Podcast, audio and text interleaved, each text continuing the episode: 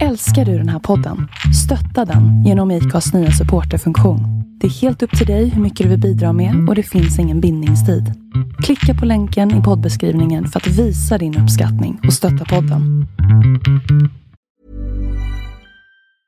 I'm Sandra, and I'm just the professional your small business was looking for. But you didn't hire me because you didn't use LinkedIn jobs. LinkedIn has professionals you can't find anywhere else, including those who aren't actively looking for a new job but might be open to the perfect role, like me.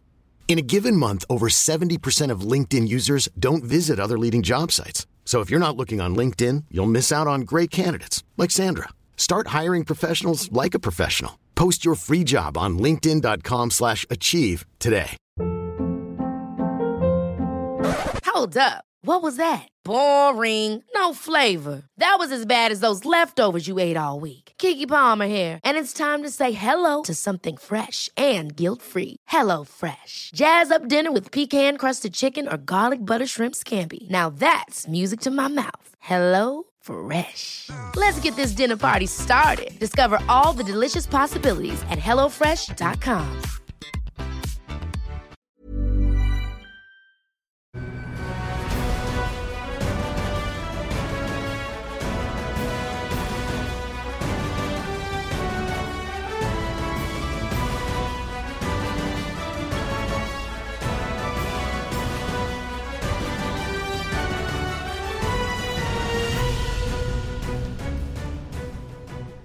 Välkomna till eh, MotoGP-podden med Lion Mårtensson. Och eh, först och främst Andreas, hur är läget? Mycket bra. Spelat lite innebandy här på onsdagskvällen så det är helt ypperligt. Hur är det själv? Det är bra. Jag eh, håller på och laddar upp på annat sätt här för att klara ytterligare en natthelg. Börjar kännas av lite grann det här sömnbristen och eh, dubbeljobbet. Alltså det är ganska tidigt att gå upp eh, 00.30 på morgonen. Ja, i alla fall om man ska få till någon vettig sömn innan det. Det, Ja, det måste man nästan få. ja, Det är långa nätter. Det är långa nätter. Så det känns lite grann. Det känns... eh, Man förstår att förarna också är slitna på de här eh, långa, långa resorna och sen eh, så hårt som det var senast också i Australien. Ja, de är, de är ju borta nästan tre veckor i och med att det, det är tre veckor på raken, eller tre helger på raken. Så det är klart att det sliter på förarna. Mm. Tidsomställningar, väderomställningar, nästan till klimat och eh, även årstidsförändringar också med de här långa resorna. Ja, visst är det så. Man kommer från Japan när det var hällregn och 13 grader i, i hela helgen och så kommer man till Phillip Island och då är det lite ostadigt, lite kallare, lite vårväder. Och nu är det Malaysia där det är hett och fuktigt och eh, slitsamt. Ett utav de absolut slitsammaste racen på säsongen. Mm, det har vi sett många exempel på genom åren här. Att eh, de som pallar med värmen och vätskeförlusten bäst eh, också är de som, eh, som gör den här kommande racehelgen bäst. Visst är det så. Men tror du egentligen, tror inte de är så bra tränade förarna som de borde, borde ha tagit höjd för detta? Jo, men, jo, det tror jag. Men ibland så är det ju också att vissa personer är mer lämpade. Det, det finns ju andra exempel i till exempel det här om folk ska bestiga Kilimanjaro eller och, och vä- väl förberedda rent fysiskt men, men sen klarar inte av höjden. Jag tror att det kan vara samma med värme. Ja, jo det, det kan det säkert vara. Jag tror mer att det kan vara också att eh, eh, man kanske har varit sjuk innan. Man kanske har drabbats av magsjuka när man reser så mycket som gör olika kulturer. Japan, Australien till Malaysia. Eh, det är inte så ovanligt att man åker på något, något typ av magsjuka till exempel. Och det kan ju slita rejält här. Speciellt i Malaysia. Mm. Förkylningar har vi också sett exempel på under den här eh, senaste racehelgen. Och, och dessutom tänker jag också föra presentationer runt banan i eh, nedkabbade bilar. Och ja, jag känner igen det där från mina egna år. Till exempel i Frankrike med, eh, med inför I mars. 24 timmars där. Ja, i mars ja. Ja. Nej, Man det känns ju helt, sådär. ner, helt nerkyld. Det känns ju sådär med, med nedkabbat runt Phillip Island i 12 grader och nästan duggregn. Känns nästan onödigt i Ja, det känns lite onödigt. Ja. Men du, det här senaste loppet. Det är ju återigen så att eh, det är en tävling som eh, kommer att gå till historieböckerna. Ja visst är det det. Det, det kändes som att racet tog ungefär fem minuter. Sen så var det slut helt plötsligt och det var mängder av omkörningar och vi blandade ihop omkörningarna och jag blandade ihop omkörningarna och man visste knappt... eh, Man visste, man visste knappt någonting men vilket fantastiskt race det var. Mm. Tätgruppen där med ungefär åtta förare får vi säga då. Eh, och sen lite decimerad och eh, också lite uppsprucken under slutet av racet där. Men eh, den där bantypen som, som Philip Island är och den utformningen på kurvor och, och hela racet där. Det är ju inte första gången vi ser riktigt jämna lopp där. Nej det är ju inte det. Det bjuder ju verkligen in de här, de här svängarna och den banlayouten bjuder verkligen in till bra race. Och det nej, fantastiskt race. Det, det påminner ju lite om 2015 eh, års race där. Mm. Jag vet att du och jag där under sändning var lite kritiska till Sarko. Tyckte han körde rätt tufft bitvis. Eh, har du ändrat eh, ståndpunkt efteråt? Nej, det har jag väl egentligen inte gjort. Utan han körde tufft. Det är inget snack om saken. De andra körde tufft också. Men jag tycker den som utmärkte sig mest det var just Sarko. Eh, men inte, inte, inte det sagt att han skulle ha någon bestraffning eller så. Absolut inte. Men, men han körde tufft gjorde han. Var det medvetet då? Var, var, har han en sån approach till sin racing? Att han vill sätta skräck i de andra eller? Eh? Nej. Nej, sätta skräck vet jag inte men, men däremot vill han då sätta sig i, i respekt på något sätt. Eh, han, är, han är en nykomling, han är väldigt snabb. Han kommer att vinna race i MotoGP. Det, det är bara en tidsfråga. Eh, men varför han kör så pass tufft som han gör. Alltså de andra kör ju tufft också. Det är inte så att han kör exceptionellt tufft. Men eh, några missbedömningar om Sarko. Speciellt när han körde på Marquez. Det var ju en missbedömning. Mm. Du tänker den där inbromsningen i kurva 4, Honda I, Hairpin? Ja precis, i kurva 4 när han skulle gå i samma lucka som vem det nu var som körde om. Jag tror det var Ross som körde om Marcus och då skulle ja, han gå i samma inte. lucka. Men, men det gick inte helt enkelt. Utan det, ja, Marcus tajtade till det då. Men det blev ju marken på kutsen. Kutsen sprack och skinnstället på Marcus blev ju helt svarta. Så att, eh. mm.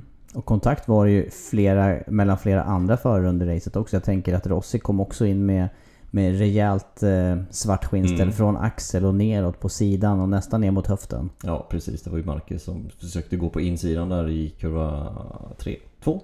Mm, två kurva kanske två, ja. mm. Utgången av kurva 2. Utgången av kurva 2 ja. Men eh, ja, nej, det är helt fantastiskt egentligen att vi får se däcksmärken uppe på axlarna. Det är ju... Ja, ändå det var gäng... inte på en förare. Nej, ändå ett gäng uppsluppna förare efter racet. Det kändes som att det här var någonting som alla uppskattade nästan oavsett position i loppet. Ja faktiskt. Men det, det är klart att de är vana från... De, alla, egentligen alla kommer från Moto 3 och liksom varit med om den här racingen. Och sen så har den avtrappats i Moto 2 eller 250 när de körde det och sen så Moto GP. Men nu fick de ju nästan uppleva ett sånt race i, i Moto GP. Och det är klart de tycker det är kul.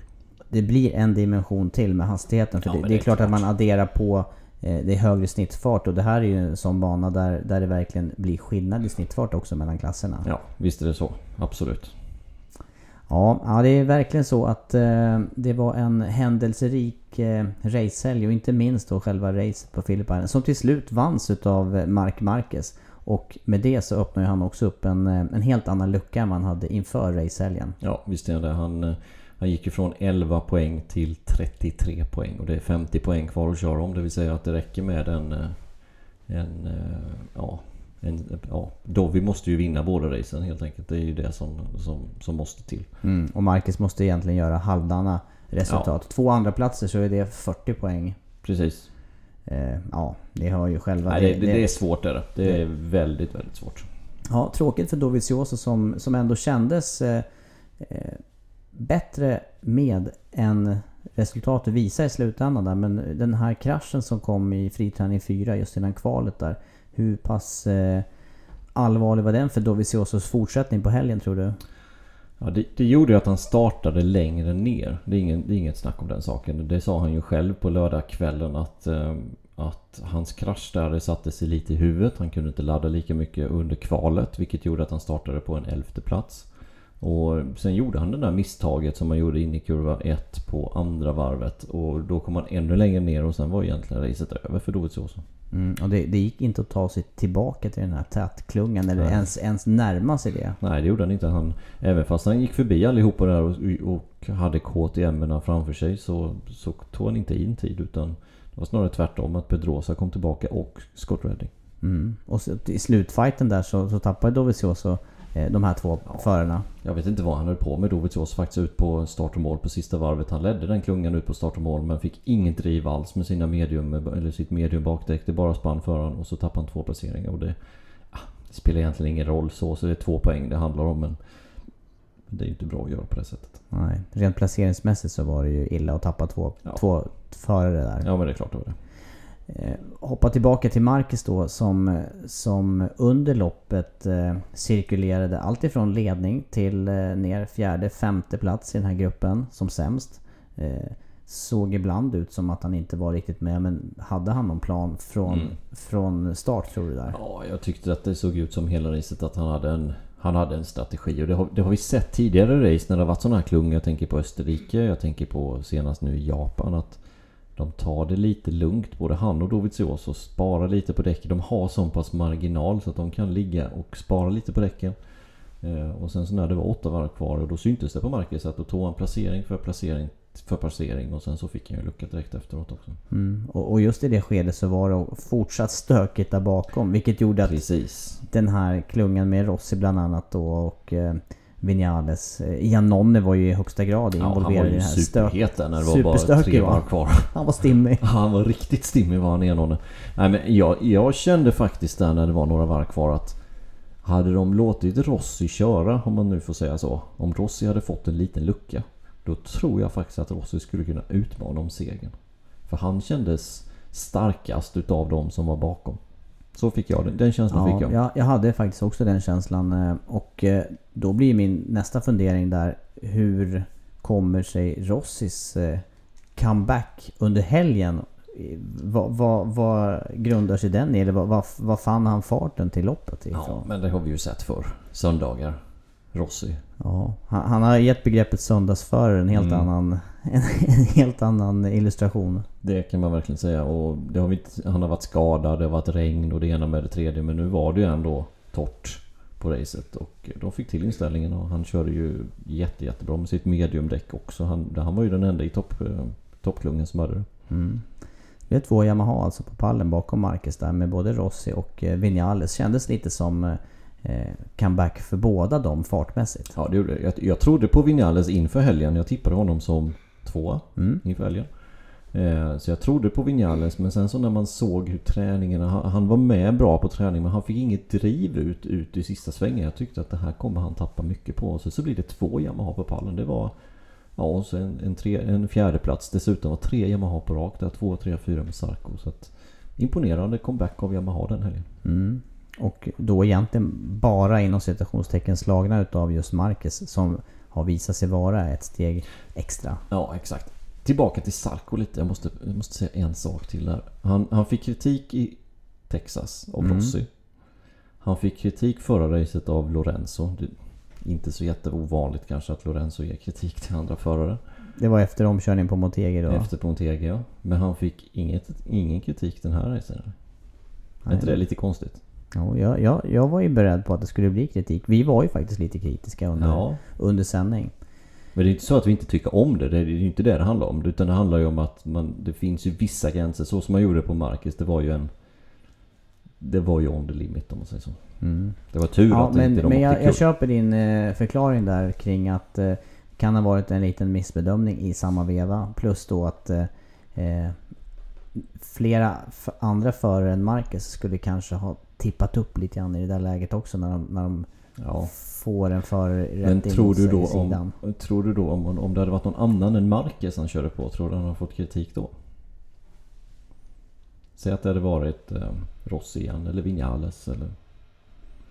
Ja, det är frågan. Och sen då kring eh, den här... Ja, ja. Jag, jag har ju svårt att se att Mark, just Marquez som, som när han kom in i MotoGP blev... Det, det blev en annan nivå på det ja hela på han något blev sätt. ganska hårt kritiserad. Visst blev han det. Jag har svårt att se att han kritiserar någon annan på hård körning. Mm. Då ska det vara riktigt hård körning.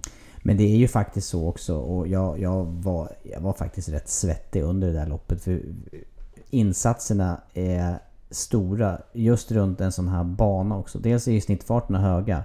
Det finns, ing, det finns inte mycket utrymme för misstag. Vi såg Lorenzo göra en stenhård krasch under helgen. Eh, på ett av de snabbare ställena där. Och det finns ju ett par ställen som är ytterligare lite snabbare. Eh, det, det, det, förarna, Insatserna är höga. förarna kan ta rejält med stryk. Mm. Och, och vi har sett många exempel på skador där som eh, ja, Lorenzo till exempel förlorade en del av ett finger där för ett par år sedan. Och, Mm. Redding har skadat sig genom åren. Ja, det Ja, finns många precis. exempel. Ja, exakt. Spargar gjorde faktiskt illa sig också nu i sin krasch. Mm, som såg bröt. rätt harmlös ut. Precis, han bröt ju fingret. Kommer Mm. inte att köra nu i helgen. Nej, nej. Han hade ett stort bandage på sin, sin vänstra. Nej men alltså det är ju inte så att vi inte tycker... Jag, jag älskar ju sån här racing. Det är ju så här racing ska vara. Det är ju bara jag tycker att han får kritik på vissa banor men han fick ingen kritik den här gången. Nej. Nej, men det kändes som att hela tätgruppen hade en, en Ja. eh, mindset, en inställning att nu, det är nu eller aldrig i princip. Alla var ju skyldiga till någonting. Ja, Marcus faktiskt. var skyldig till Rossi. Ingen ville kasta den första stenen i det Nej, här jag tror- läget. Den egentligen som körde cleanast om man nu får säga så. Det var ju faktiskt Vinales. Ja, han han var ju det nu. inte på något. Nej. Han blev ju ganska hårt drabbad av Iannone. Alltså jag tror att Vinales kunde också kanske utmanat Marcus. Ja, han, han blev rejält nedputtad någon gång. Ja det blev han. När, när Iannone kom ut ur kurva 1 så kom han på utsidan i kurva 1 och så svepte han in i kurva 2 på ytter. This is Paige, the co-host of Giggly Squad, and I want to tell you about a company that I've been loving, Olive and June. Olive and June gives you everything that you need for a salon quality manicure in one box. And if you break it down, it really comes out to $2 a manicure, which is absolutely insane. It's also so easy to get salon worthy nails at home with Olive and June. The difference between how your nails used to look when you did them yourself and now with the Manny system is a complete game changer. The best thing about Olive and June too is it's a quick dry. Dries in about one minute, lasts for five days, and full coverage in up to one to two coats. Visit oliveandjune.com slash perfectmanny20 for 20% off your first system. That's oliveandjune.com slash perfectmanny20 for 20% off your first system. Hey, I'm Ryan Reynolds. Recently, I asked Mint Mobile's legal team if big wireless companies are allowed to raise prices due to inflation. They said yes. And then when I asked if raising prices technically violates those onerous two year contracts, they said, What the f are you talking about, you insane Hollywood ass? F- So to recap, we're cutting the price of Mint Unlimited from $30 a month to just $15 a month. Give it a try at mintmobile.com slash switch. $45 upfront for three months plus taxes and fees. Promo for new customers for limited time. Unlimited more than 40 gigabytes per month. Slows. Full terms at mintmobile.com. Hold up. What was that? Boring. No flavor. That was as bad as those leftovers you ate all week. Kiki Palmer here, and it's time to say hello to something fresh and guilt-free. Hello Fresh. Jazz up dinner with pecan-crusted chicken or garlic butter shrimp scampi. Now that's music to my mouth. Hello Fresh. Let's get this dinner party started. Discover all the delicious possibilities at hellofresh.com.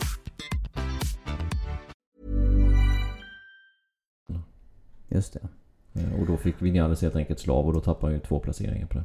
Mm, ja, det fanns hur många, hur många eh, moment och tillbud Ja. och minnesvärda stunder eh, som helst under de här varven som, som racet pågick. Och jag håller med dig det här att eh, det kändes som att eh, loppet pågick under några få minuter och sen var det Mm. slut. Sen var det över. Vad tror du Vinales tycker då? Att bli slagen av Rossi? Ja, han blev ju det, han blev ju det nästan i Aragon också. Det var inte... ja, och, jag vet inte, det kanske sved ännu hårdare där att ha Rossi precis i bakhjulet fast man... Fast det bara var ett par veckor efter, efter benbrottet där. Nej, jag tror inte Vinales är så nöjd. Han har väl inte varit så nöjd egentligen under en stor del av säsongen här sen deras eh, chassidiskussioner. Okay. Nej, så känns det som. Det är någonting där som... Någonting har hänt där. Det skaver lite grann. Ja, och jag, jag tror det kan ha att göra med att de ändrade däckstypen. Eh, Just stommen på framdäcken. Eh, Och då behövde Yamaha gå efter med det där och göra några förändringar på cykeln. Och det passar inte Och Vinales. det passar inte Vinales. Nej. Nej, och sen eh, historiskt har ju inte Rossi haft många teamkollegor som, som han har varit kompisar med. Eller motståndare överhuvudtaget på banan som, som man inte har... Så fort någon blir ungefär lika snabb, då, det, då är man inte kompis längre. Men har vi sett några tendenser på det då? Tycker du vi har sett? Jag, jag tycker vi har sett någon tendens på det. Lite, Vad- på, vad du på lite på sociala medier efter... De hade ju en incident under kvalet i Texas bland annat. Mm. Där Rossi låg lite i vägen för, eh, Ja, sant. för Vinales. Mm. Och sen har jag sett lite sådana här sociala medier eh, gliringar från Vinales sida till Rossi. Tror du deras vänskap så att säga utåt sett kommer hålla? Nej, det, det gör nog inte det. det, det nej, jag skulle säga nej där. Och vi ser inte mycket av det heller när vi är på banorna. Det finns ju ingen direkt översvallande närhet, äh, hjärtlighet eller närhet dem emellan. Fast det gör det knappt via någon förare. Det, det känns som att första gången förarna hälsar på varandra det är på presskonferensen, de som är inbjudna dit. Mm, sant. Lite så. Ja, det är en... eh, Det, det gäller att vara lite speciell om man ska ta sig till toppen i, i den här klassen i alla fall. I, slut, eh, det, I slutet så är man sig själv närmast. Så är det ju. Eh, hur som helst, eh, för er som inte har sett eh, racet, försök och, och gör det i efterhand. För att eh, det, det var många minnesvärda omkörningar och många minnesvärda stunder. Och eh, återigen då, det här reglementet. eh, Det är någonting som jag eh, Eh, kommer tillbaka till. Det har ju skapat den här bra racingen som vi har haft i år. Och tittar på någon statistik här under eh, de senaste loppen att eh, ungefär hälften utav topp 10 i tätaste lopp, alltså minst differens mellan i topp 15. Det har varit i år. Och det är under hela MotoGP-eran. Ja, och eh, det är helt otroligt egentligen för att det är ju inte så att föregående säsonger har varit ojämna på något sätt. Men de, den här säsongen har varit extremt tätt. Eh, Det såg vi även i mästerskapet efter halva säsongen. Nu har det, nu har det blivit lite större avstånd här. Men eh, otroligt tätt och, och absolut, reglementet har ju en stor del utav att det är så tätt. Och flera märken såg vi senast också nu. Direkt i Q2 så var alla sex märkena med. Och i FP4 så var det topp 6 var sex olika märken. Mm. Ja, det, jag tycker det är fantastiskt roligt att få vara del i den här eh, intensiva och spännande perioden. För det är ju också så att det är två race kvar på säsongen. Det, det är inte avgjort ännu och eh, det, det, blev en, det blev i och för sig ett allvarligt avbräck för Dovizioso. Men fram till bara för eh, fyra racen så var det ju faktiskt en, en kvartett förare. Om man säger innan Rossi bröt benet där. Mm. Så var det ju på allvar fyra förare som kunde vinna VM fortfarande. Mm. Ja det var det. Efter Silverstone var det så. Mm. Inför Misano, visst var det så. Nej, det, det är ju alltså ett misstag från Marcus den här helgen. Eh, och Dovizioso vinner och det är inte omöjligt att Dovizioso kan vinna. Han har vann på Sepang eh, förra året. Då skiljer det helt plötsligt 8 poäng. Och då räcker det ju med att Ja, Dovi måste ju vinna finalen på Valencia och Marcus får inte bli bättre än trea om Dovi ska vinna. Nej. Och Valencia är en ganska tight bana. Om vi, om vi hoppar två race bort så... Vi, incidenter är lätt att det sker där i inledningen. Ja, eh, visst är det så. Men det är också en bana som Marcus är riktigt stark på. Så vi kommer ihåg. Och det är ingen Ducati-bana. Med ganska långa svängar. Jag tänker på sista svängen till exempel. Eh, Ut innan start och mål. Den är ju rätt lång, vänstersväng. Vad är det som gör just Malaysia då, som kommer härnäst eh, till en Ducati-bana? För det har du sagt flera gånger. Ja, nej men det är ju långa raksträckor. Det är två långa raksträckor. Sista raken och första raken. Och sen är det hårda inbromsningar. Och inte så här jättelånga svängar. Det finns några ut på bakraken till exempel. Men inte jättemånga sådana här superlånga svängar. Vädret som alltid kommer Mm. att vara kritiskt. Eh, Temperatur och eh, även rejäla skyfall kan det ju vara här. Visst är det så. Visst är det så. Det är, och det vet vi att vi är väldigt bra på också. Men som sagt, Dovizioso vann där förra året.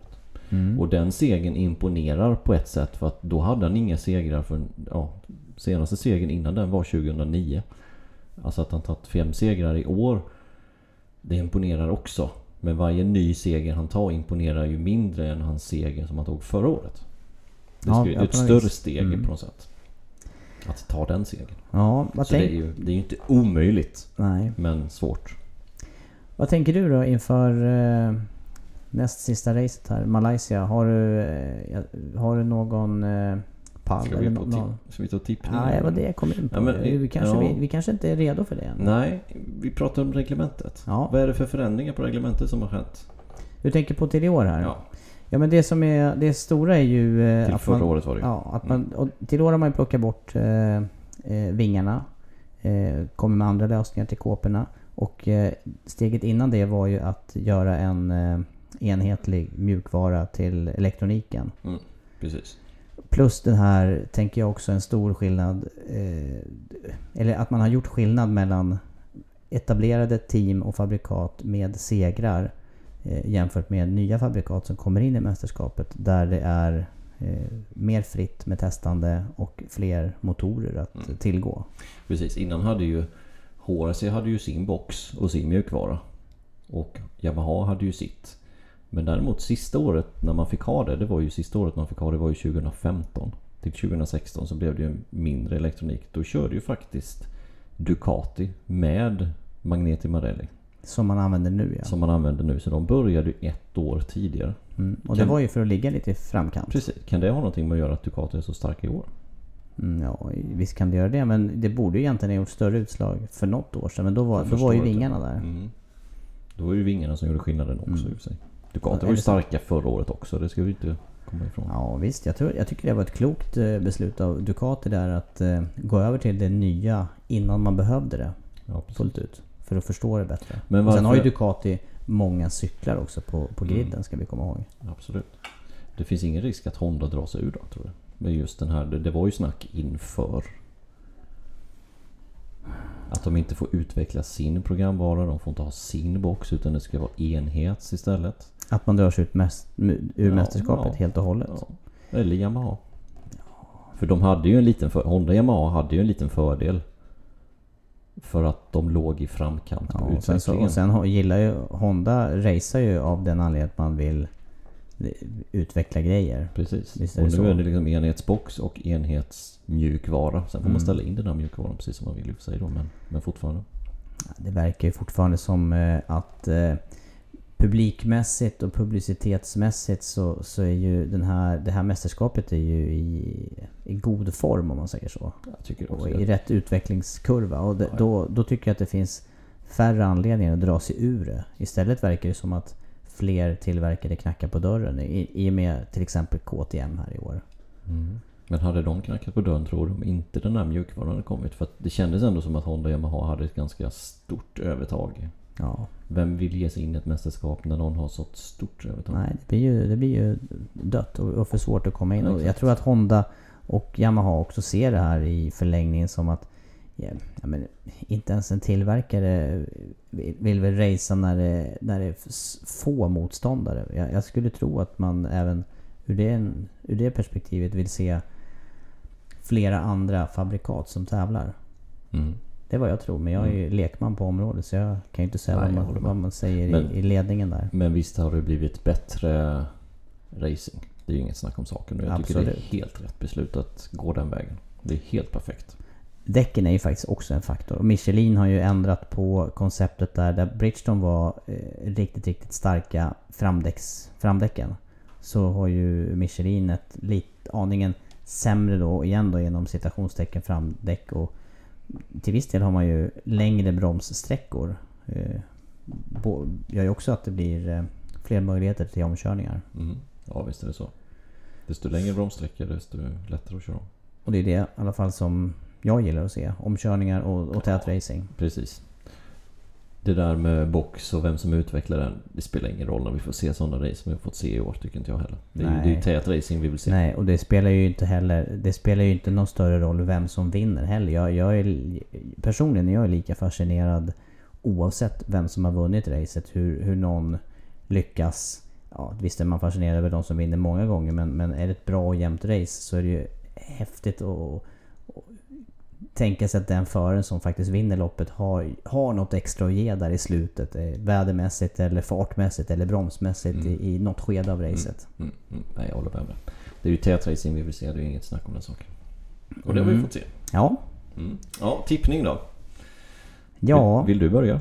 Ja. Så får jag fundera. Jag har inte gått sådär lysande. Jag tror att vi hade... Vi hade Marcus i pole senast båda två. Ja. Och eh, sen vill jag minnas att jag hade rätt med Rossi på andra plats i racet. Sen var jag ju helt ute och cyklade med Dovizioso som... Nej. Du hade det- han som vinnare, hade du? Ja, ja, jag hade ju det. Vem hade du på tredje plats? Eh, på tredje plats har jag för mig att jag hade... Jag hade nog Marcus. Marcus hade du tre. Jag kan ha det. Ja. Ja, eh, jag fick ju någon eh, poäng där också från Marcus. Men ställningen då är ju eh, 11-9 till mig. Mm, och två race kvar och, Ja. och eh, tippa då. Det gäller att jag gör en bra... 8 poäng kvar att spela. Mm, ja, ja du Andreas. Mm. Och innan racehelgen också. Ja, Jag säger nu då att eh, i pole position så... Säger att Dovizioso kommer tillbaka starkt. Jag, till och med, jag sätter han till och med i, i pole här. oj. Dovizioso. Och eh, då ska vi komma ihåg att eh, Andrea Dovizioso inte har en enda pole den här säsongen. Så det här är Då är det riktigt- hög tid nu kan Ja, jag det säga. riktigt högoddsare. Mm. Och eh, han måste slå tillbaka här. Jag sätter Dovi i pole och eh, då, det blir ju lite dröm eh, eh, här. Att han även ska vinna racet så att han håller kvar mästerskaps, livet i mästerskapet. Ja. Eh, Och sen tvåa... Eh, mm, jag, jag har med Rossi... Jag kan inte... Alltså Pedrosa kan ju vara riktigt stark här också. Det här är ju... Hur ska det här bli? Jag Nej. säger eh, Dovi, Pedrosa... Mm, Dovi, Pedrosa, Marquez. Jag räknar bort Yamaha här helt och hållet. Ja, det var intressant. Precis de tankegångarna har jag också. Att eh, just Pedrosa har ju faktiskt vunnit race här. Mm, För någon han- säsong sedan. Mm. Det som kom helt i skymundan 2015. Här. Det var två andra förare som slogs på banan. Minst sagt. Mm, det var minst sagt så. Eh, men jag tror att... Eh, jag tror att eh, Rossi tar på position.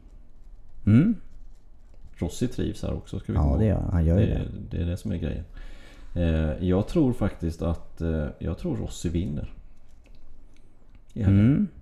Och sen tror jag att Dovizioso blir två och Marquez blir tre. Mm. Nu kan du, nu kan du se helt annorlunda ut i vår poängfördelning här efter Ja, helgen. det kan du. Nu har vi inte tippat lika. Det är Nej, kul. är det blir kul. bra. Men Pedrosa tror jag också på. Men ja, det finns ju bara tre ställen att stå på pallen. Japp, Så blir det. så blir det. Och det är som vanligt att eh, ni håller koll på uh, sändningstider. Viasatsport.se. Sovmorgon är det. Ja, helgen. det är riktigt så morgon nu. 03.45. Då drar racehelgen igång. Eh, Malaysias GP alltså på Sepang den här helgen och eh, vi har sändningar som vanligt på Viasat Motor och eh, via Play. Och sen har ni koll på viasatsport.se också under helgen för eh, nyhetsuppdateringar. Vi avrundar här Andreas. Mm, glöm inte ställa- ställa om klockan natten till söndag. Så ni Nej. missar warm-upen. Det ska inte heller vi göra. Nej, det ska vi inte glömma. Nej. Tack för oss så hörs vi igen.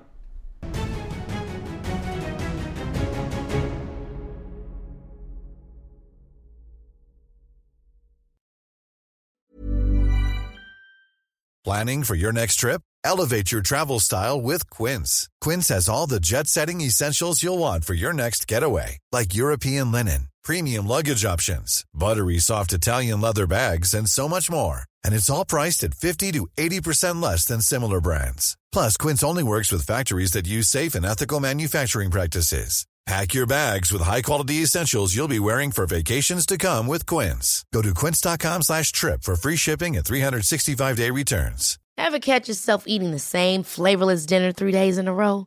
Dreaming of something better? Well, HelloFresh is your guilt-free dream come true, baby. It's me, Kiki Palmer. Let's wake up those taste buds with hot, juicy pecan-crusted chicken or garlic butter shrimp scampi. Mm. Hello Fresh. Stop dreaming of all the delicious possibilities and dig in at HelloFresh.com. Let's get this dinner party started.